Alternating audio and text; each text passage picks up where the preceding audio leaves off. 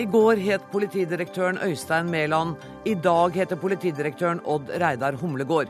Har justisministeren nå fått det som hun vil? Mælands avgang har skapt sterke reaksjoner mot Grete Faremo.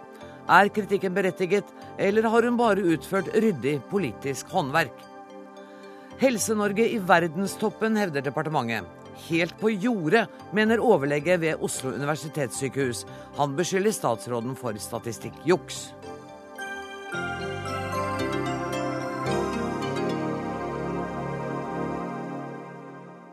Dette er noen av sakene i Dagsnytt 18 denne fredagen, der vi også skal høre at de tre russiske kvinnene i punkrockbandet Pussy Riot er dømt til to års fengsel for å ha forstyrret offentlig ro og orden motivert av religiøst hat.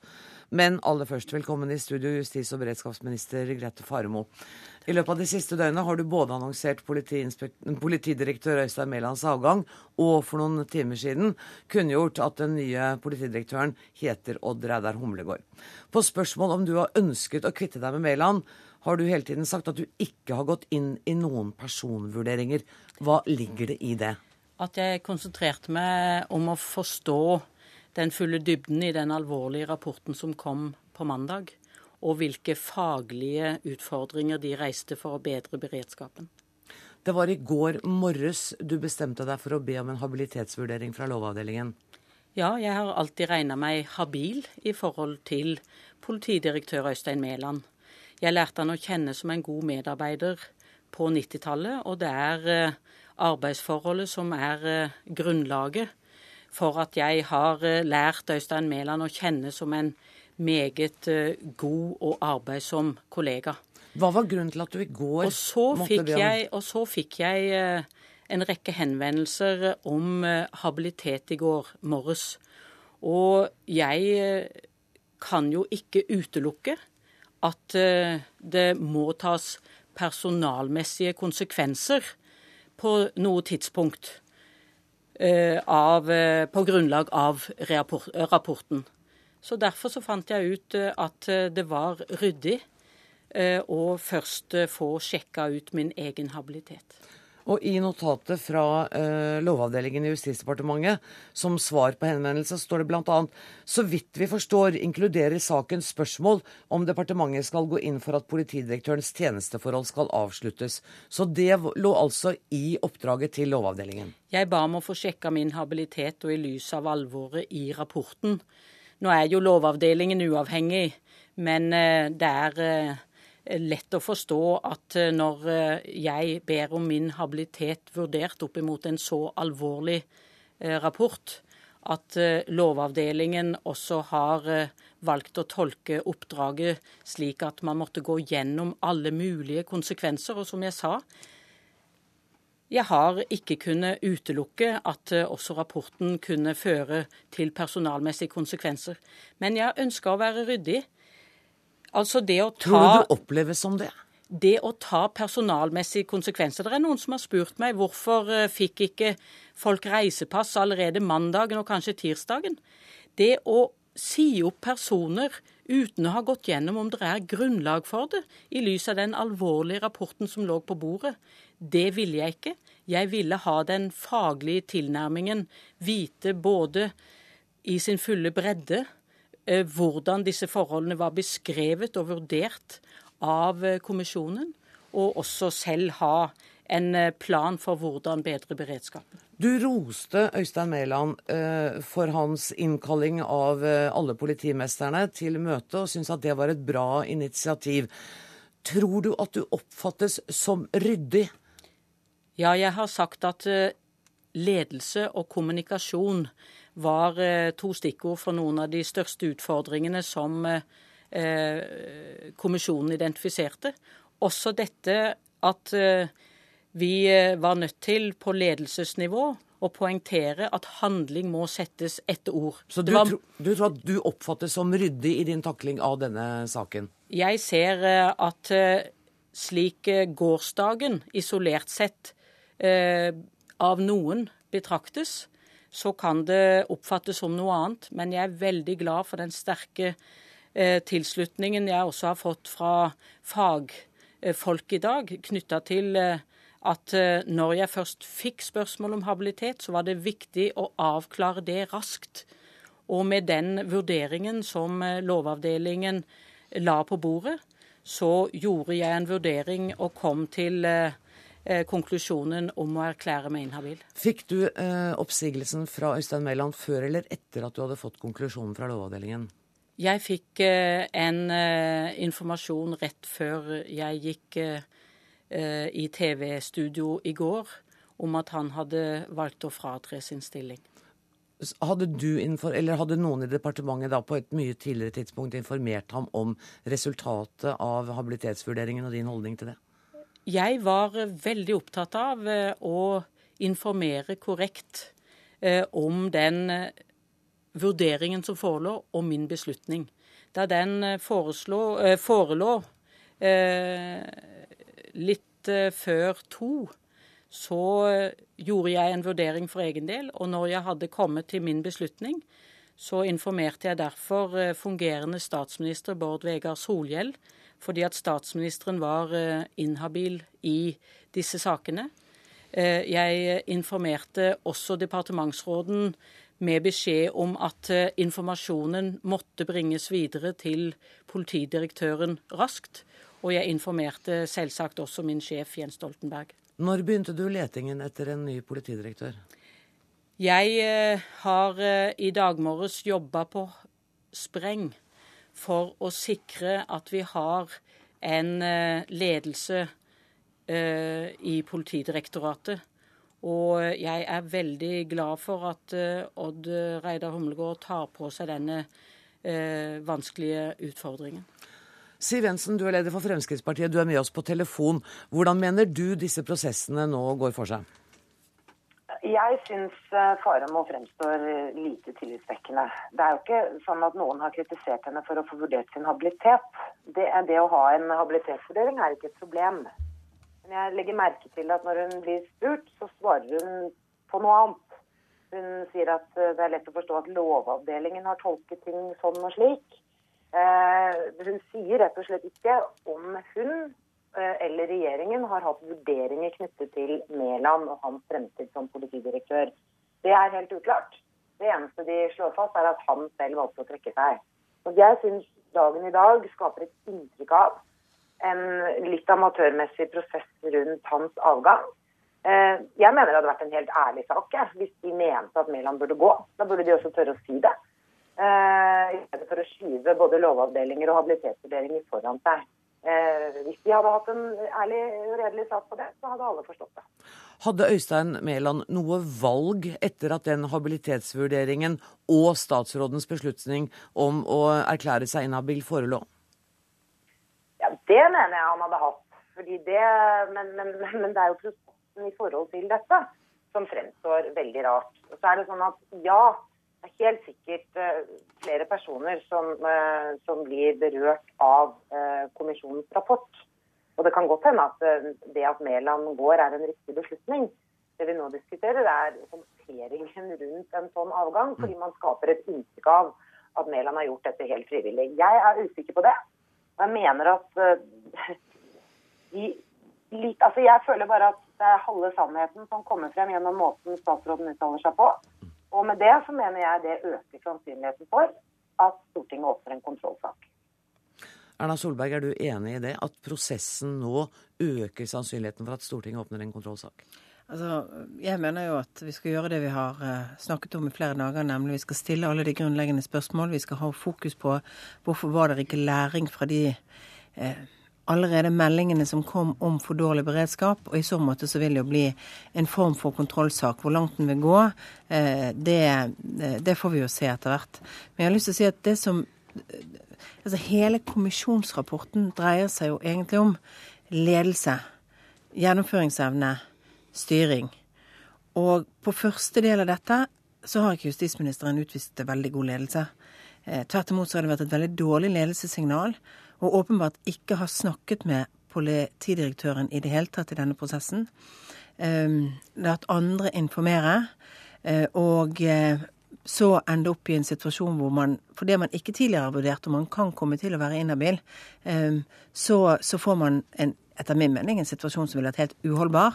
En justisminister og en statsminister som er inhabil i forholdet til lederen av eh, Politidirektoratet. Det blir vanskelig å være sette settestatsråd bare for de personellmessige konsekvensene. Da, de skal jo gjøres basert på, på, hvordan Politidirektoratet faktisk fungerer. Eh, dette hadde vært en uholdbar situasjon. Og jeg tror at eh, for Mæland, både med det som står i selve, hvis han har fått tilgang til det som nå er sitert fra, fra eh, habilitetsvurderingen, eh, og bare det faktum at eh, han må ha skjønt at dette ville være en kaotisk situasjon styringsmessig, at det var ikke så veldig mange andre deler for han. Ikke pga. kommisjonen eller annet, men pga. det forholdet at, eh, at uh, hans overordnede justisminister rett og slett var blitt inhabil. Ja, og han sa jo også at han hadde i den meldingen som han sendte ut i går, at han ikke hadde den nødvendige tillit fra den politiske ledelse. Ja, og Hvis det er riktig det som justisministeren syntes å si i går, at hun faktisk reelt sett ikke har hatt samtaler med han om disse spørsmålene i det hele tatt i løpet av denne uken etter at kommisjonen kom, så syns jeg ikke at det er en god start på det som skulle være en bedre ledelsesstruktur.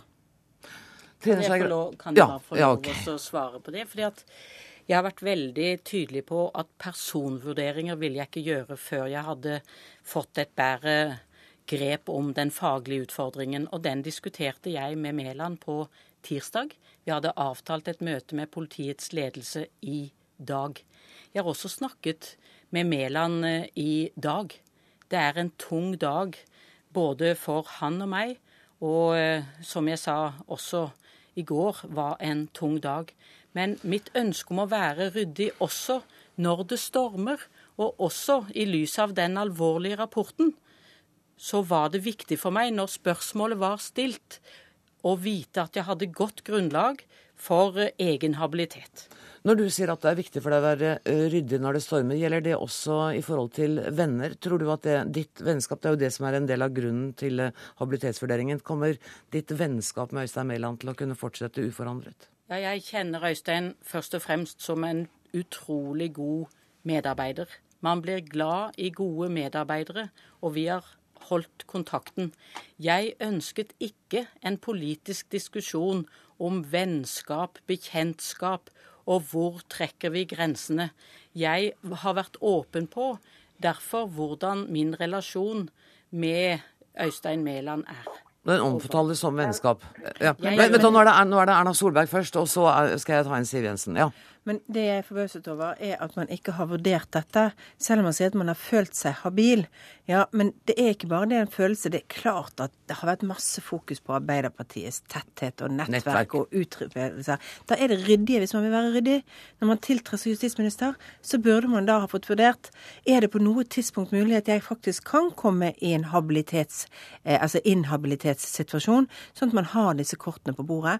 Og nå har vi hatt Støre-saken, vi har hatt Lysbakken som gikk av pga. dette.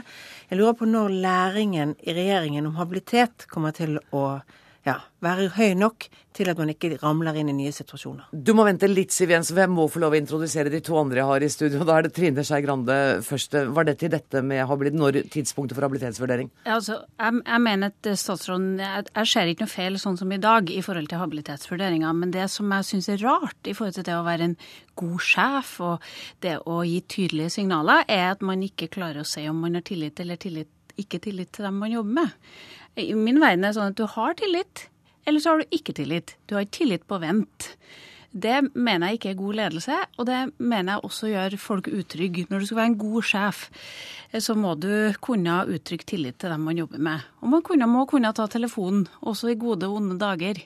Eh, Men Sier du at statsråden har vært litt feig her, og ikke har turt å ta den telefonen hun burde ha tatt? Jeg har inntrykk av at vi ikke har snakket sammen. Som jeg sa, jeg snakket ja, det, med Mæland på tirsdag, og rapporten som var så alvorlig den kom dagen før på men, mandagen. Men hva men, sa du til Øystein Mæland på tirsdag? Uttrykte du da en tillit til ham, eller hva gjorde du? Personalspørsmål, personspørsmål har jeg vært uh, helt tydelig på at de er stilt på vent. Og jeg skjønner Nettopp, hvor krevende, hvor krevende det er i denne situasjonen. Jeg mener tillit veldig... kan ikke være på vent. Personvurderinger er stilt på vent. Altså, man, det, vi, I denne prosessen her så kommer det sikkert mye til å skje framover.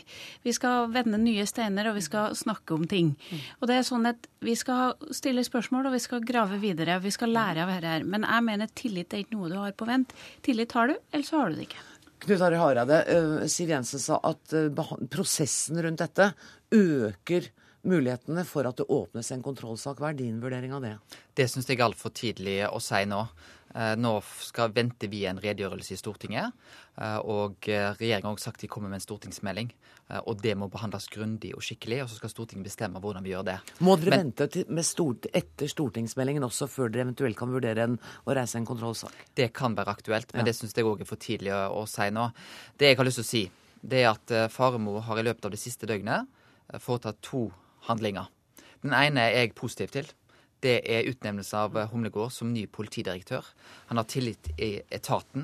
Han har bakgrunn fra både Forsvaret og politiet. Han er sjøl jurist, og vi ser at egentlig det er et samla Norge som stiller seg bak den utnevnelsen. Men jeg er sterkt kritisk til den ledelseskulturen Grete Farmo viste i går kveld. Eh, og det går så enkelt som at det er viktig at ikke minst i den situasjonen vi er nå, at justisministeren viser evne til å gi trygghet til hennes nærmeste. Mm. Mælands pressemelding er et svar på det har ikke justisministeren makta. Og derfor så ble hans konsekvens når da habilitetserklæringen lå på bordet. Og jeg har også lyst til å si, jeg synes òg Ja, det er viktig med TV-debatter, men det er enda viktigere å lede landet. Og jeg har lyst til å spørre justisministeren i etterkant nå ville det vært mer riktig å hatt en direkte dialog mot politidirektøren istedenfor å delta i TV-debatten, når vi veit hvilken ny informasjon av en slik viktighet som kom fram like før NRKs direktesendte TV-debatt i går. I det øyeblikket jeg hadde gjort en beslutning eh, knytta til min egen habilitet, så var det viktig for meg eh, å få orientert Øystein Mæland. Så fikk jeg den informasjonen eh, så å si på vei inn i studio at eh, han hadde fratrådt eh, sin stilling. Og at det også allerede var spekulasjoner i media på det. Jeg valgte å gå i studio, og da jeg fikk direkte spørsmål, så så jeg ikke at jeg hadde noe annen eh, alternativ som var bedre enn eh, å informere om den beskjeden jeg hadde Det var vel slik at det var statsministeren som sa at eh, statsråden har mer hun skulle ha sagt. Det var ikke på et direkte spørsmål fra programleder, det var statsministeren som henviste til deg når det gjaldt uh, fratreden til Øystein Mæland. Det var slik det foregikk i går. Ja, jeg har ikke akkurat uh... Nei, Men det spiller heller ikke noen rolle. Men uh, vi må ta inn Siv Jensen igjen. Uh, Siv Jensen, hører du at de andre her sier at man må ha ro til å vente til både redegjørelsen for Stortinget og kanskje til stortingsmeldingen foreligger, før man vurderer en kontrollsak. Syns du at det er å ta det for langsomt? Som jeg selv sier, jeg sier det øker sannsynligheten. Fremskrittspartiet har ikke konkludert enda. Vi er opptatt av at det skal være en ryddig prosess. Jeg sier at det øker sannsynligheten fordi det skaper ny tvil, ny usikkerhet. Og Jeg hører statsråden gang på gang prøve å isolere dette til at det eneste hun har gjort, er å få vurdert sin habilitet. Og hun er jo så glad i sine medarbeidere. Men Øystein Mæland satt igjen uten å vite om han hadde tillit, eller om han ikke hadde tillit. Og Der er jeg helt enig med Trine Skei Grande. Et tillitsspørsmål må man altså kunne klare å avklare. Det er en problemstilling Grete Farmo og Jens Stoltenberg har omgått i alle spørsmål de har fått de siste dagene. Eh, og Mæland er jo ikke alene om det. En rekke andre personer det blir stilt jevnlig spørsmål om, og det blir ikke avklart. Jeg har sagt de siste to-tre dagene at jeg mener at statsministeren raskt må avklare eh, alle disse uklare spørsmålene knyttet til tillit. Enten det er eh, Jeg skal ikke nevne navn, uansett hvem det er som er i, i spekulasjon, så må det avklares, ryddes opp i ikke minst fordi det viser både ledelse og god kommunikasjon, som jeg hørte statsråden var opptatt av. Der fikk Siv Jensen siste ord i denne er helt sikker på at vi kommer til å snakke mer om denne prosessen. Tusen takk til eh, statsråd eh, justis- og beredskapsminister Grete Farmo. Til eh, Siv Jensen, Fremskrittspartiet, Knut Arild Hareide, Kristelig Folkeparti, Erna Solberg, Høyre og Trine Skei Grande fra Venstre. Riktig håndtert eller ikke, ny politidirektør har vi fått. Og panelet her hørtes ut som de var fornøyd med den beslutningen fra eh, justisministerens side. Det er Kripos-sjef Odd Reidar Humlegård som har fått oppdraget. Og du har uh, mye å gjøre og ermene brettet opp allerede, går fra. Ja, jeg har eh, innstilt meg på det, og det eh, tror jeg flere har. Både i politisjefskollegiet og i Politidirektoratet så er nok nå ledere og medarbeidere innstilt på at de må gjøre en solid innsats. Tenkte du eh, i går eller forgårs at uh, Lurer på om jeg blir ny politidirektør? Nei, det var ikke i mine tanker, og det var vel ingen som hadde tenkt. Eh, jeg var på møte på Gardermoen i går og uttrykte tillit til Øystein Mæland som politidirektør, så dette kom overraskende på oss alle. Så jeg ble kontaktet i går kveld klokka halv elleve og bedt om å møte i departementet i dag. Og der jeg har vært til nå. Du ble innbeordret, det høres strengt ut, men det betyr at du har sagt ja til å påta deg den oppgaven, det er ikke motvillig? Det er ikke motvillig, men det er etter en grundig eh, samtale med statsråden og, og embetsverket eh, for å vite litt hva som er av forventninger, og litt hva som er av handlingsrom for meg. Det er de i dag som har ment at eh, å overta den jobben der er å overta mm, kanskje landets mest utakknemlige jobb akkurat nå? Det er i hvert fall en eh, solid jobb som ligger foran oss. Den har politiet allerede begynt på. Eh, det blir mange ting som skal gjøres utover høsten.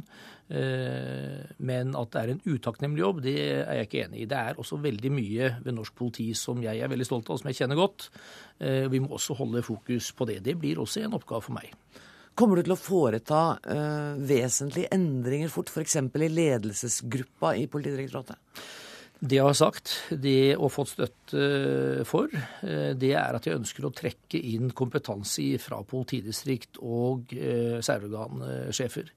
Eh, vi trenger å komme tettere på de kompetansemiljøene som sitter i, i PDMT, på Politihøgskolen, også på Kripos, som kan understøtte mye av det arbeid som nå skal gjøres for å følge opp denne kommisjonsrapporten. Er det noen i dagens ledelse som bør skjelve litt i buksene nå når du kommer inn? Eh, det som er mitt fokus nå, det er å styrke ledelsen på strategisk nivå i Politidirektoratet. Eh, få mer beslutningskompetanse og gjennomføringskraft. Eh, dette tror jeg også er veldig høyt på agendaen til mine kolleger i Politisjefskollegiet, og også operative mannskaper ute. Få en tettere kontakt med det virkelige liv, for å si det sånn. Jeg har en viss forståelse for at du ikke har tenkt å annonsere utskiftninger på Dagsnytt 18 før du har inntatt stolen. Hva er det hvis, du, hvis, det går an å si noe om hva er det aller viktigste du skal gjøre for norsk politi nå? Nå blir det på mandag å gjøre meg kjent med hva som er status i Politidirektoratet. Hvor langt man har kommet i arbeidet med å følge opp kommisjonsrapporten. Eh, eh, planen er nå å sette i gang et eh, ganske omfattende program for å følge det tett. Tilfølge ressurser og kompetanse Eh, og holde fokus på det. Eh, med god framdrift eh, prøve å ta noen avgjørelser som kan tas raskt, og ha langsiktighet i det som krever tid. Samtidig så skal jo Politidirektoratet driftes. Det er mange oppgaver som går uavhengig av dette. Og det er som sagt også mye som skal tas vare på av det politiet gjør som er bra. Hva har du fått tilsagn om når det er For du sier at du vil ha inn eksterne ressurser. Jeg går ut fra at dette koster litt penger. Um, har du fått noen løfter om noen utvidede budsjetter eller tilleggsbevilgninger nå? Det er snakk om å bruke eh, ressurser både i Politidirektoratet og eh, ressurser i ytre etat, altså politidistrikt og særorgan. Det er allerede betalt for. Eh, så kan det være behov for å tiltrekke seg annen kompetanse for å få tilstrekkelig gjennomføringskraft i prosjektene, og det skal vi klare å finansiere. Jeg ønsker deg til lykke med arbeidet som politidirektør. Tusen takk for at du kom hit, Odd Reidar Humlegård, politidirektør i Norge.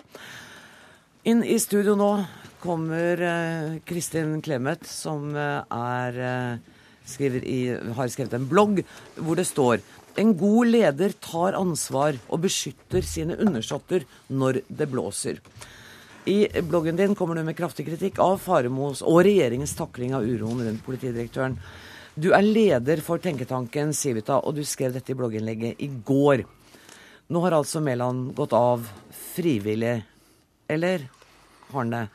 Ja, ikke helt. Det er veldig forståelig. Altså, jeg syns det som er trist i denne saken, det er at de som har det øverste ansvaret, regjeringen, statsministeren og justisministeren, eh, de sier at de ønsker å bli sittende for at de skal rydde opp i den ukulturen og den dårlige ledelsen som er avdekket gjennom eh, Gjørv-kommisjonens eh, rapport. Og Det første som skjer, er at man utviser etter min mening svært slett eh, lederskap, dårlig personalbehandling.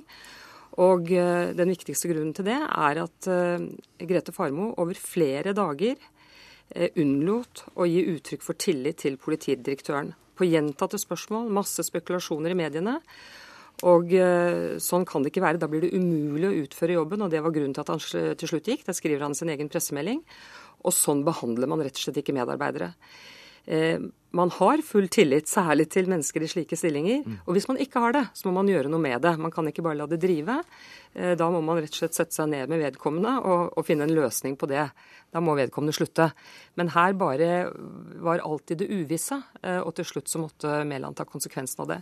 Og jeg syns det ble dobbelt ille da dette ble meddelt på direkten i et TV-program.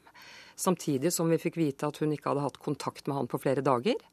Eh, og eh, jeg tror jo heller ikke at det var avtalt med han at det skulle meddeles der. Jeg tror f.eks. at hans egen pressemelding, hans egne kolleger, fikk vite dette på direkten på, på TV. Og dette syns jeg er dårlig lederskap, og det er litt trist når det er det lederskapet man skal så å si rydde opp i og sette et eksempel for. Hadde Mæland noe annet valg enn å fratre etter at han fikk eh, statsrådens konsekvens av habilitetsvurdering, og en statsminister som er inhabil i forhold til hans arbeid?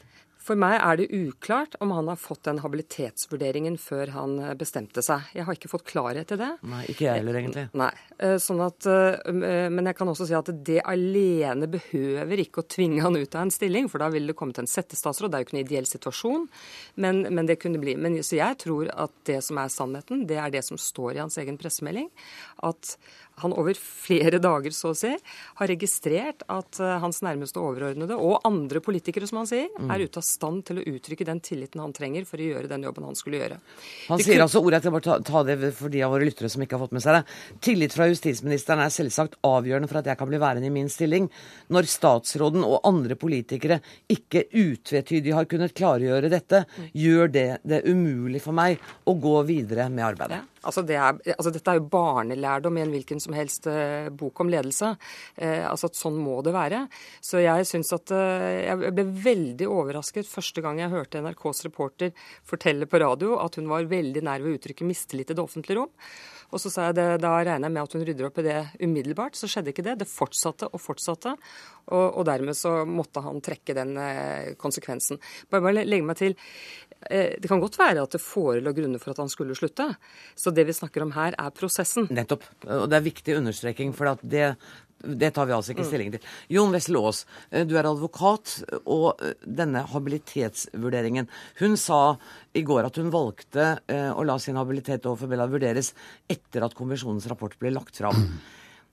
Var det det riktige tidspunktet?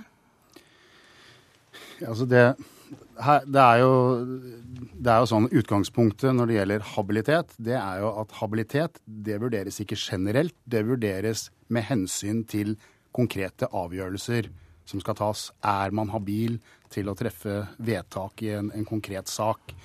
Um, og men, men, det som er problemet, det, eller det problemet som har oppstått her, for alle ser jo at det er, det er, noen dilemmaer her. Det er noe av det politiske folk spekulerer i. Er dette et spill for galleri? En annen måte å skyve noen ut på?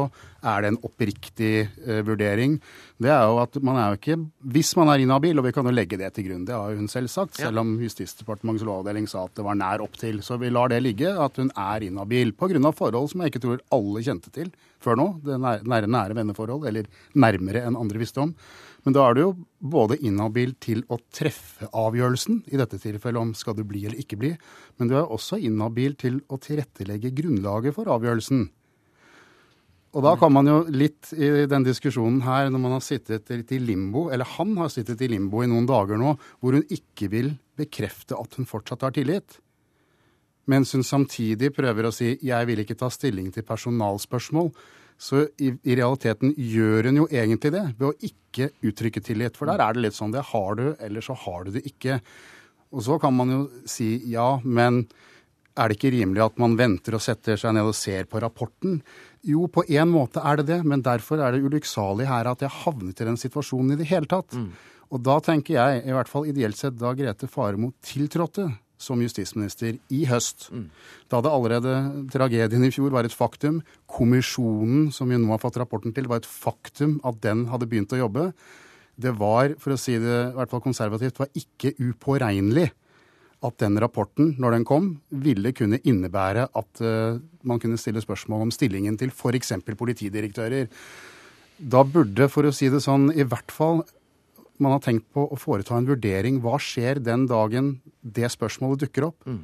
Sånn at man er forberedt og har uh, for å si det, beredskap der også kanskje å gjøre det klart at det bør være en settestatsråd som eh, på en måte tar imot rapporten, nærmest. Eh, jeg ser at det blir klønete, men det er klønete når du har et sånn potensielt eller du har et skjær i sjøen som du risikerer å grunnstøte på på et eller annet tidspunkt. Og her var ikke det upåregnelig. Og det hadde vært mulig for henne å be om en slik habilitetsvurdering, selv om det ikke var en konkret sak da hun tiltrådte som justisminister? Ja, altså Lovavdelingen de gjør jo hva hun ber om. Hvis hun ber om et, la oss si hypotetisk ja. at neste ja, august, når det kommer rapporten, ja. hvis det blir et spørsmål, vil jeg være habil til mm. å Ja, så ville de selvfølgelig ha gitt henne et svar på det. Ville det gjort prosessen ryddigere, Kristin Clemet? Altså, da, da hadde det i hvert fall ikke vært disse spekulasjoner rundt at hun benytter denne teknikken så å si for å bli kvitt han. Altså, det hadde jo forhindret det. Eh, og det er jo litt rart når man blir eh, utnevnt til eh, justisminister og får en ny tittel i tillegg, som er beredskapsminister. Så skulle man tro at det da var poenget å tenke, ha beredskap for kriser. Og når du vet at en av dine nærmeste medarbeidere er så nærstående, så hadde det ikke vært naturlig å undersøke dette på forhånd. Men jeg må legge til en ting. I dag har jo hun sagt at hun ikke på noe punkt tenkte på, for å bruke et folkelig uttrykk, å sparke Mæland i disse dagene som har gått. Da virker det jo enda mer underlig at hun ikke kunne uttrykke den tilliten som så mange har spurt etter, og som er så nødvendig for at han skulle kunne rydde opp i, i den etaten. Og jeg, jeg, la merke til en ting til i dag vi skal legge til det. Den nye politidirektøren, jeg hørte ham på radio første gang, ikke her, men tidligere i dag, så var jo noe av det første han sa, at han i dag hadde forsikret seg om at han hadde justisministerens backing, for ikke å si tillit, helt naturlig. Det er sånn det er. Og den eh, tilliten hadde ikke, hadde ikke Mæland. Tusen takk for at dere kom i Dagsnytt 18-studio denne fredagen. Kristin Clemet, leder av tenketanken Civita, og Jon Wessel advokat. Jeg sier velkommen til eh, Knut Magnus Berge, kommentator her i NRK, og Fridtjof Jacobsen, politisk kommentator i VG. Eh, både seere og programledere og flere av politikerne i panelet fikk litt hakeslepp i, og gjorde store øyne da justisminister Grete Farmo altså annonserte på direktesendt TV i går at politidirektøren gikk av. Eh, også landets kommentatorer så vel ikke den komme akkurat da, Fridtjof Jacobsen? Nei, da var kommentaren skrevet og middagen fortært, og man skulle sette seg og se på den debatten for å se om man skulle gjøre noen små justeringer på en kommentar som jeg hadde skrevet om hvordan det var uheldig at Mælands stilling var uavklart, og at uh, Faremo på en måte lot han henge på gaffelen og, og, sånn, men at han nå så ut til å ville kjempe for sin egen stilling gjennom å samle politimesteren og alt. Så måtte du kaste det manuset i bøtta og skrive et nytt et uh, på veldig kort tid. Og det er ganske skarpt. Du sier det er iskaldt. Uh, altså behandlingen av politidirektøren var iskald, nådeløs. Jeg husker ikke alle mm, ordene du brukte. Ja. ja nei, jeg, jeg må si at jeg ble ganske opprørt over dette i går. Eh, og det syns nok også det jeg har skrevet. Eh, det er eh, Jeg var engasjert. Og, men altså Politikere har mye makt. Politikere liker å fortelle, og de vil nok også gjerne være skikkelige mennesker. De vil at vi skal stole på dem. At de skal fremstå som ledere og forbilder. Jens Stoltenberg, mange veldig gode personlige egenskaper. Derfor liker folk han. Grete Faremo, jeg er til å stole på. Jeg er ryddig. Jeg har vært utsatt for urettferdig behandling av Torbjørn Jagland. Det har jeg lært av. Jeg ser mennesker jeg er til å stole på. Det som skjedde i går, eh, det var veldig få av de menneskelige egenskapene, syns jeg. Og det prøvde jeg å vise fram. Eh, noen vil kanskje si at jeg gikk for langt og ble for emosjonell eller Angrer du? for dramatisk. Nei, nei, jeg angrer ikke. Jeg angrer ikke. Da hadde jeg ikke skrevet det. Men, eh, men, eh, men, jeg, men jeg, jeg engasjerer meg. Eh, Knut Magnus Berge, kanskje ikke like skarp i kommentarene dine, men hvordan syns du at regjeringen totalt sett har håndtert denne situasjonen? Nei, altså Vi har jo hatt ei vanvittig uke etter at denne rapporten kom på mandag. Eh, og så har vi hatt et vanvittig døgn etter at dette skjedde i går kveld. Eh, Regjeringa har jo selvsagt et desperat behov for å få grep om eh, denne situasjonen. Og det er ikke inntrykket eh, så langt. Selv om Grete Faremo i dag har vist eh, lederskap og handlekraft, og slik sett eh, gått i gang med jobben med å gjenvinne terreng. Men jeg tror dette egentlig bare eh, illustrerer eh, hvilken kraft den rapporten hadde. Her har vi i utgangspunktet en rimelig stabil politisk situasjon med en regjering med flertall i Stortinget osv. Så, videre. så kommer det en rapport med en slik styrke og kraft at alle biter er på en måte kasta opp i lufta, og det er ikke noen gitt i dag å si helt hvor de lander. Nå har vi fått en ny politidirektør. Han varsler at det kommer til å komme ytterligere endringer i eh, politiet. Det kan fort også komme endringer på eh, politisk plan. Ja, Det var det med mitt neste spørsmål. Du mener det? Ikke i form av at regjeringa går, det tror jeg er veldig lite eh, sannsynlig. Kanskje først og fremst fordi at ingen er interessert i det, med unntak fra for VG eh, eh, her. Så, eh, Ja, han som, har tatt orde, ja, som har tatt til orde for det. Men i alle fall så, så er det ingen i opposisjonen, tror jeg, som er interessert i at regjeringa skal gå. Men det kan og regjeringa har flertall. Det kan skje, eh, men jeg syns det er alt det vi har opplevd denne veka her, eh, det eh, maner òg til kanskje å ta det litt rolig og se ting litt an før en eh, konkluderer. Fordi at eh, nå er eh, mange ting i spill. For det, det er jo interessant også. Det eneste eh, embetshodet som nå kunne rulle, var jo i og for seg Øystein Mæland. Altså, PST-sjefen har gått av fordi hun svarte på et spørsmål fra en parlamentariker. Eh, to departementsråder har gått uten at vi har fått noen forklaring på det. De gikk på dagen. Sjefen for politiavdelingen er på vei ut av departementet for å bli politimester i Oslo. Eh, det har jo vært en utrensking av ledere. Og alt dette har skjedd etter at eh, Faremo ble statsråd. Ja, og Knut Storberget gikk av. Og Knut Storberget, ja. ja. Ja, absolutt. Så når hun sier at uh, det aldri har vært vurdert noen personellmessige konsekvenser, så er jo det så er jo det eh, Det høres jo helt litt rart ut. Er Så mye som har skjedd. Eh, Men altså Vanskelig å forstå. Farmo Faremo har altså helt siden hun tiltrådte vært i tvil om hun hadde habilitet i forhold til å kunne bestemme om Mæland skulle være politidirektør eller ikke. Eh, Mæland har stort sett hatt permisjon, greit nok. Eh, Mæland var ansvarlig for politiets evaluering, Sønderland-utvalget. Han skrev det mandatet. Farmo sa i juni at hun ikke var fornøyd med den, og gikk videre. Eh, da var hun altså kanskje inhabil eh, i forhold til å bestemme da om Mæland eh, kunne fortsette eller ikke. Så kommer rapporten. Og det er klart at den rapporten, med de konklusjonene den har om politi og norsk samfunn, er så dramatisk at, eh, at vi får en veldig opphetet debatt. Og at mange i opinionen sier at her må noe skje, og noe må skje i politikken, er som regel at noen må gå. Ja. Altså, ikke sant? Vi har ikke noe respekt for utredning og sånn. Vi må se noe handlekraft. Og handlekraft for politikere er å si noen sparken. Sånn er det. Eh, Da har altså hun ventet med sin habilitetsvurdering. Det kan være tilfeldig, men jeg må bare se at den har hun ikke tenkt til å levere inn til Lovavdelingen før i går. Da gjør hun det. Resultatet av den er at Mæland må gå av. Og hun sier også at når Lovavdelingen sier i innledningen på sitt notat at vi oppfatter at spørsmålet også gjelder om man skal avbryte politidirektørens engasjement, så sier hun da det er Lovavdelingens tolkning. Er det troverdig?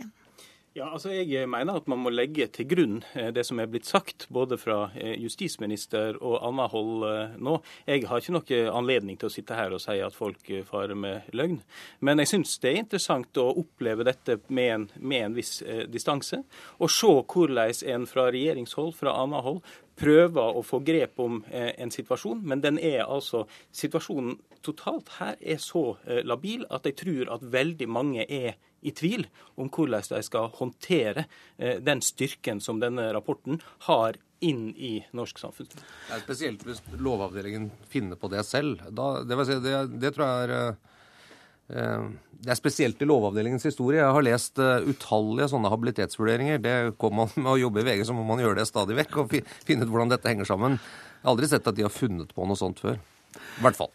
Men nå viser det seg at eh, alle politikerne som var her i studio, og samtlige politimestere, nå er veldig glad for den handlekraften statsråden har utvist i dag, og er veldig fornøyd med utnevnelsen av eh, den nye politidirektøren. Det at hun har utnevnt Humlegård, kan det helle olje på opprørt hav? Ja, altså det er jo ingen tvil om at Eh, det i alle fall eh, gjorde at eh, hun gjenvant et visst initiativ knytta til dette. For i går så står jo denne saken, altså i går kveld sto jo denne saken ganske annerledes. Da så man for seg et, et vakuum i politiet framover i en helt kritisk fase. Nå får man altså på plass en direktør som det viser seg at etter iallfall sånn som jeg greier å, å lese det, har brei tillit i politiet, har en bakgrunn som veldig mange i, i politiet er fornøyd med. Og jeg har heller ikke hørt noen i det politiske miljøet eller andre steder som stiller spørsmål ved hans kvalifikasjoner. Så Slik sett så eh, har en klart å gjenvunne en del terreng. Og Det sier vel også noe om at langvarige, omstendelige ansettelsesprosedyrer for ledere det er ikke alltid nødvendig. Her gikk det unna på noen ganske få timer. Ja, Man er bare fungerende politidirektør. Stillingen skal utlyses, og det skal lages en søkerliste. og Den skal jo besettes i statsrådet og slik rutinene er. Eh, det ble opplyst der ute nå. Ok, ja. Og ble det det? For det er, ja, altså, ikke det, det, er, det er ikke sånn at en justisminister som... bare kan innsette en politidirektør på den måten helt utenom allting. Men han er beordret inn, inn. for å fungere i denne stillingen ja. inntil man har hatt en formell prosess. Ja, Og så står han jo fritt til å søke, da. Eh, om et par måneder eller så, når øh, dette er klart. Det kan hende den søkelisten blir ett navn. Det er jo ikke helt uvanlig. Ja, det kan hende det blir noen sånne rare folk, men altså ett ordentlig navn. Tusen takk for at dere kom, Fridtjof Jacobsen fra VG, Knut Magnus Berge her fra NRK.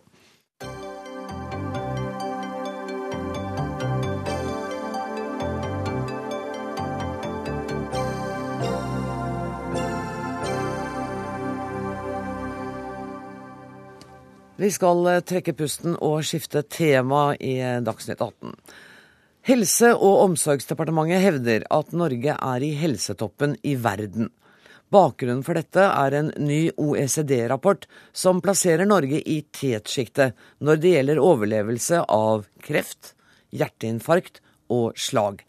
Men her mener du at departementet bommer, Christian Grimsgaard. Du er tillitsvalgt blant overlegene ved OUS, Oslo universitetssykehus. Hva er det feil med, det, med tolkningen av disse OECD-rapportene? Altså Bakgrunnen for at disse OECD-rapportene kommer fram nå, det er en uro som Dagens Næringsliv har uttrykt for at uh, den debatten vi har sett det siste året, er uttrykk for uh, at det er problemer i helsevesenet. Og Så har da ministeren svart at uh, Nei, vi er eh, på verdenstoppen innen flere viktige kvalitetsindikatorer i helse. Og, mm, og, dette skjer ikke uten sverdslag, og derfor er dette en, en sunn debatt vi har sett da. Og eh, Det er to problemer med fremstillingen. Det ene er jo at eh, tallene er fra 2009. Og det er dels femårsoverlevelse registrert i 2009, altså sykdom som man startet å behandle i 2004. Eh, det er det ene problemet. Og det andre er at de gir en helt feil fremstilling av, eh, av funnene i denne rapporten. Da. Kan du være litt konkret på eh, et type eksempel på feil? Ja, Et eksempel er funnet på hjerteinfarkt. Altså der Norge, er Norge blant landene hvor vi har lavest registrert dødelighet knyttet til hjerteinfarktbehandling. Problemet med dette er at uh, vi registrerer ikke dødelighet for pasienten, vi registrerer bare dødelighet i en spesiell innleggelse. Og uh, Norge er det landet som har aller kortest innleggelse for hjerteinfarkt. Og Det er uh, sannsynligvis fordi vi flytter dem mellom sykehusene. Men hvis du da innlegges på Ringerike og, flyttes til Rikshospitalet og dør der, så vil ikke dette telle med i statistikken. Altså Dermed blir, blir det en veldig skjev fremstilling av saken. og Eh, når man registrerer det på en sånn måte, så har Tyskland mellom to og tre ganger høyere dødelighet for hjerteinfarkt enn oss. og det, det er ikke et uttrykk for at sånn er det. Og de har også lengre liggetid for pasientene på sykehus når ja. de gjelder hjerteinfarkt? Ja, de følges veldig tett da. Så de har mellom to og tre ganger lengre liggetid for den samme diagnosen. da. Men er det også riktig at når det gjelder bemanningen, eh, så er de ikke helt presise når de, når de definerer hva som er helsebemanning på sykehusene? Ja, vi opplever at departementet på flere områder har vært eh, vel kreative når de legger fram eh, statistikk. Da. Altså, ministeren la jo fram at 20 eh, eh, av eh, de yrkesaktive i Norge var ansatt i helsevesenet. og Det en unnlater å si, da, da teller man jo med enhver student som jobber en time eller to. Og hvis du ser på antall årsverk og trekker ut de som er ansatt i barnehage, så kommer du ned på omtrent halvparten, altså rundt 11% Og, sånn at Det er en gjennomgående skjevfremstilling, oppfatter vi, på veldig mange områder. Og det bruker man for å argumentere for at spesielle grep er nødvendig å gjøre. da. Robin Kåss, du er statssekretær i Helse- og omsorgsdepartementet, og vi må slippe til deg her. Dette er alvorlig kritikk. Ja, nå, nå, tror jeg overlege Grimsgaard kanskje er litt vel eh, beskjeden på vegne av eh, seg selv eh, og eh, de andre eh, sykehuslegene i, eh, i Norge. For det heter seg at selvskryt skal man lytte til, for det kommer fra hjertet. Men dette er jo ikke snakk om selvskryt. Dette er uavhengige rapporter. Den rapporten dere har brukt mest tid på nå, kommer fra OECD i Paris, som er den fremste uavhengige organisasjonen for å sammenligne land. Så har Grimskog helt rett i det at det er veldig krevende å sammenligne mellom land. Det er eh, ulike eh, helsesystemer. Men når man f.eks. tar det som vi har gjort på eh, hjerteinfarkt, tatt i bruk ny teknologi, f.eks. det at man da får tatt hjerteprøven i ambulansen, blir sendt elektronisk til sykehuset, og så er det da seks steder i Norge hvor man gir denne eh, akuttbehandlingen som redder liv. Dette sier OECD selv i sin rapport at de tror er årsaken til at Norge da kommer som nummer to i verden i den rapporten. Men, Men det er usikkerhet. Kanskje vi er nummer én, kanskje vi er nummer fem. Men det er i hvert fall helt klart at eh, resultatene har bedret seg betydelig eh, de siste årene, samtidig som vi har gjort endringer som ofte har vært upopulære. Men ok, så, så, så har vi gjort en del ting, men, men, det som man påpeker, man har altså ikke sammenlignbare måter å måle dette på. For hvis du kommer inn på Ringerike overlever det og kommer til Rikshospitalet og dør der, så blir du altså ikke registrert som død. Det er bare hvis du dør på det første sykehuset du kommer inn, at du blir registrert. Kunne man ikke få til en samordning av statistikkføringen, da, Kåss? Jo, og det er derfor eh, vi i Norge har eh, etablert eh, det, noe som heter Norsk pasientregister, som gjør at man kan følge hver enkelt pasient. Nå er det ikke alle land som har den type register, så det OECD har valgt å gjøre, er å se på overlevelsen i sykehuset. Når det gjelder hjerteinfarkt, så er det jo slik i Norge at man blir fraktet direkte til det sykehuset som skal gi primærbehandlingen. F.eks. nå sitter jeg i Porsgrunn. Skulle jeg være så uheldig å få et hjerteinfarkt, ble jeg fløyet til Arendal den primærbehandlingen som man får der, ved at man blokker ut blodåren med en gang, gjør at man ofte kan bli veldig raskt frisk. Man unngår å dø, heldigvis, og man kan også gå raskt ut av eh, sykehuset. Så det er også en sammenheng mellom at Norge og Danmark har gode resultater eh, på eh, overlevelse, og at pasientene raskere kan reise hjem. Men, men, det er jo ikke bare OECD som kom med disse tallene. Vi fikk nå rapport fra Redd Barna angående fødselsomsorgen, hvor vi er nå nummer én for tre år på rad. Der har vi også gjort eh, store endringer. Norsk pasientregister eh, melder at eh, vi har fått svært lave ventetider, som fortsetter å gå nedover. vi fikk en kommisjonsrapport nå som går, går gjennom beredskap, traumebehandling. sånn at det, det er mye som, det er mye som ikke stemmer, men det er mye som går bra. Grims, Grimskar, har du rett og slett misforstått Er det du som har misforstått statistikkene? Nei, det er ikke det. Og Kåss vet utmerket godt at verken Kreftregisteret eller Kunnskapssenteret er enig i at man kan legge de tallene til grunn og gjøre sånne tolkninger som de gjør. De sier jo at dette kan man kanskje bruke til å plassere seg over eller under gjennomsnittet. Ellers så vil jeg jo si til Kåss når han trekker fram alle de gledelige eh, resultatene, så er det sånn at i den samme OECD-rapporten så er det Norge og Polen som kommer aller dårligst ut når det gjelder psykisk helsevern. Og Hvis Kåss tok disse her eh, rapportene helt alvorlig, så burde det avfødt en reaksjon når det gjelder psykisk helsevern. Sånn at eh, Jeg tror alle vet at dette må tolkes veldig varsomt. Og eh, jeg tror at vi skal bruke tallene og, med forsiktighet og, og, prøve å ha en mest mulig saklig debatt når det gjelder et så viktig emne som helse er. Koss, jeg har bare lyst til å gå tilbake til det som gjaldt bemanningen. For hvis det er slik at alle studenter som er innom en time eller to, og, og barnehagepersonell og alt, at dere har telt med alt, så blir jo det feil, i hvert fall igjen så er det jo ikke vi som teller, det er eh, OECD som ja, teller. De og de forsøker å telle på en måte som gjør at man kan sammenligne landene mellom hverandre. Da sier de at innenfor det de kaller helse og sosial, som er et meget bredt område, det har Grimsgaard rett i, så ligger Norge som uh, nummer én. Når det gjelder antall leger per innbygger, ligger vi som nummer fire. Og hvis jeg husker riktig, så gjør vi det samme når det gjelder sykepleiere. Når det gjelder helsebevilgninger, ligger vi ifølge OECD som nummer én. Så po poenget mitt er at uh, innenfor hvert enkelt tall så kan det være eh, så er, så er det feilmarginer. Mm. Kanskje er vi ikke nummer fire, kanskje er vi nummer eh, syv. Kanskje er vi ikke nummer to, kanskje er vi nummer én. Men du, la meg bare bryte her, for la, Vi må bruke 20 sekunder, og det er altfor lite selvfølgelig, på å snakke om bunnplasseringen vår når det gjelder psykiatrien. Ja, vi har en del bunnplasseringer også, og det har vi vært aktivt ute med også. Eh, vi ser innenfor psykiatrien så har vi for mye at folk blir sendt ut og så må eh, raskt eh, inn igjen. Vi har også det som går på tilgang på telefon til primærlege, f.eks. Da fikk vi en rapport hvor vi er, ligger dårlig an. Det at pasienten ikke blir tatt med på råd hos legen. Men der gjør vi også grep. Så jeg, jeg syns det er viktig å ha to tanker i hodet på en gang. På den ene siden er det områder hvor vi kan bli bedre, og hvor vi gjør endringer.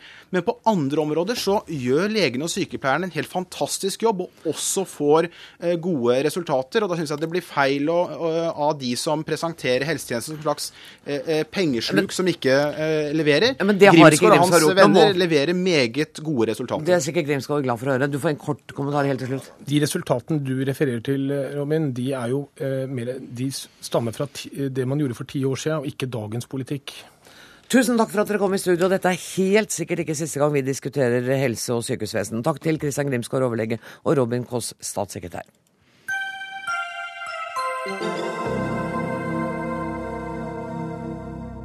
Så til tre mye omtalte bråkmakere i Russland. Punkrockbandet Pussy Riot ble i dag funnet skyldig av russisk rett i å ha forstyrret offentlig ro og orden, motivert av religiøst hat. Pga. den etter hvert så berømte opptredenen vi hørte starten av, så må de i fengsel i to år. Og NRKs eh, Moskva-korrespondent Hans-Wilhelm Steinfeld, hva slags sak er egentlig dette? Den høres veldig rar ut for oss. Det er klart mange russere er oppbrakt over at disse jentene i nettingstrømper avbrøt høymessen i vår uh, frelserskatedral i Moskva. Og Slik sett så er nok ikke dommen upopulær blant de brede lag av russerne. Eh, blant liberalerne er det forferdelse. Og Man sammenligner jo denne dommen med de mer outrerte dommene fra tidligere tider man ikke ønsker å huske. Aktors påstand var tre år, dommen ble på to år, strafferammen var på syv år.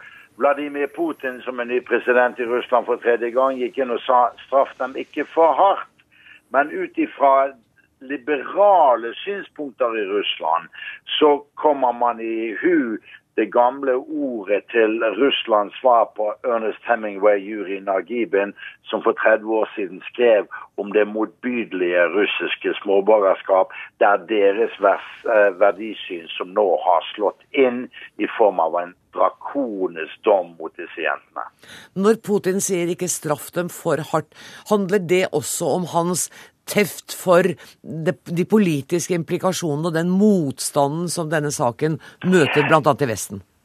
Ja, jeg ser ikke bort ifra at president Vladimir Putin uh, skjønner at uh, troverdigheten ved den russiske rettsstat begynner å bli ganske omstormet når en, uh, en handling som dette, beklaget av de som utførte den, Eh, påfører gjerningskvinnene en straff på to år i situasjoner hvor grove korrupsjonssaker henlegges, mm. så blir dette en belastning for den fornuftige rettsoppfatningen i Russland. Den russisk-ortodokse kirken ber i kveld om nåde for de tre dømte kvinnene. Gjør det inntrykk på russiske myndigheter, tror du? Ja, det gjenstår å se, men den russisk-ortodokse kirke, som jo har et meget nært forhold til Kreml etter at Sovjetunionen ble oppløst for 21 år siden, begynner vel å bli bekymret for at den blir litt for tett assosiert med makthaverne. Og den russisk-ortodokse kirke ville det kle dårlig å være årsak til urimelig undertrykkelse av to kvinner som beklaget sin dumhet, men som nå eh, trues med fangeleir i Uralfjellene i to år fremover. Det strider mot liberal, intelligent rettsoppfatning i Russland. Hans Wilhelm Steinfeld, vær med oss litt til. Vi skal snakke litt med Jon Peder Egenes, som er generalsekretær i Amnesty International Norge. Hva er din reaksjon på denne dommen? Nei, sånn Umiddelbart får jeg lyst til å gjøre som mannen i rettssalen som ropte 'skam'. Eh, som Steinfeld sier, dette strider jo mot all eh, menneskerettighetsoppfatning og mot eh, helt normal oppfatning av hva som er ytringsfrihet. Hvis man hører på nå kan ikke jeg, dette forstår Steinfeld, men ikke jeg, hva disse synger, det har jeg fått oversatt, så er det jo et politisk budskap. Riktignok med religiøse toner. men Kiril, denne lederen for den ortodokse kirken, inviterte på sett og vis politikken inn i kirken da han gikk aktivt ut og, og, støttet Putin og sa man skulle stemme på Putin, og vel også har uttalt at Putin er en gave fra Gud.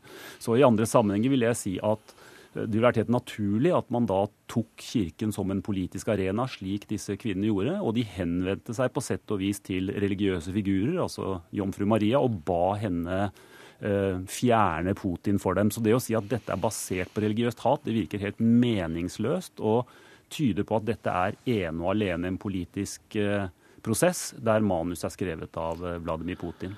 Dere tar saken på det dypeste alvor. Det gjøres også over store deler av verden. Er, det er støttedemonstrasjoner for disse, for disse kvinnene. Dere har også sagt at de kan bli samvittighetsfanger. Ja, og der er terskelen ganske høy. Ja, de er allerede adoptert som samvittighetsfanger. Eh, vi sa mens de satt i varetekt at vi mente de ikke burde ha sittet i varetekt engang, og gjorde det tydelig at ble de dømt, så ville de være samvittighetsfanger. Disse kvinnene er dømt for sine ytringer, sine politiske ytringer. De har ikke oppfordret til vold, de har ikke utført hatefull tale. Eh, og dermed er de samvittighetsfanger. Og eh, det ironiske kanskje oppi dette, som må være en forferdelig trist dag for dem og familien sin, det er at de har uttrykt stor si, glede for at de i det minste er adoptert som samvittighetsfanger, fordi det gir en, en viss status, og, og, gir selvfølgelig håp om at folk kommer til å jobbe hardt for at denne dommen skal gjøres om. Det, hvordan ser du på mulighetene for det, for at den dommen skal gjøres om? Nei, Vi har jo hele tiden trodd at siden de ble satt i varetekt eh, Det var noen som uttalte at Putin har ikke revers på bilen sin, det går bare framover. Eh, og vi var ganske sikre på at de kom til å bli dømt. Eh, nå skal de sitte halvannet års tid i fengsel fordi at varetekten blir fratrukket. De kommer vel til å anke, men denne saken kommer til å, å ha stor oppmerksomhet videre framover. Og hvis Kirken nå har bedt om nåde, det har ikke jeg hørt før du sier det, så, så, kan jo det også brukes til å gjøre det rette. Fordi at dette er en belastning, i hvert fall internasjonalt for Putin, men også i økende grad i større miljøer i Russland. Hans-Wilhelm Steinfeld, hvordan vurderer du mulighetene for at uh, straffen kan bli lavere, eller i hele tatt at saken kommer opp igjen? Jeg tror det er viktig at Kirken ber om nåde. Men det må samtidig fremholdes at ikke bare den russisk-ortodokse kirke, men alle registrerte trossamfunn i Russland, jøder, muslimer, katolikker, støttet Vladimir Putin ved den anledningen som Egeland henviser til, da patriarken kalte han for en gave fra Gud. Han hadde alle trossamfunns eh, støtte. Og det er helt åpenbart at disse punkerne har krenket veldig brede troende lag av det russiske folk ved å avbryte høymessen i en kirke som Stalin sprengte i luften med dynamitt i 1931. Så det var jo et usedvanlig uheldig valg. Men ikke helt uvanlig i russisk rettshistorie så har makthaverne hevet sin kjepp for høyt til slag. Og dommerne er eager to please, opportunister, men har for sikkerhets skyld klubbet inn to år. Eh, Imidlertid vet Vladimir Putin, som fikk Russland suspendert for ett år i 2001 fra Europarådet for sin uskjønnsomme krig i Tsjetsjenia, at Russland får mye bank i den europeiske menneskerettighetsdomstolen i, Strasbourg. og Derfor så er det von i hangende snøre når det gjelder straffutmålingen i denne saken. Du, Hans-Wilhelm Steinfeld, da fikk du altså siste ordet i det som du kaller Dagsnytt 18 på Gudskjelov-kvelden. Tusen takk for at du var med oss, og takk til Jon Peder Egenes, eh, som leder Amnesty International Norge. Da gjenstår det bare for meg å si at ansvarlig for denne sendinga har vært Siri Storstein Hytten. Det tekniske ansvaret har Finn Lie. Jeg heter Anne Grosvold. Vi høres igjen på denne kanalen og i dette fjernsynsprogrammet klokka 18 på mandag. Takk for nå.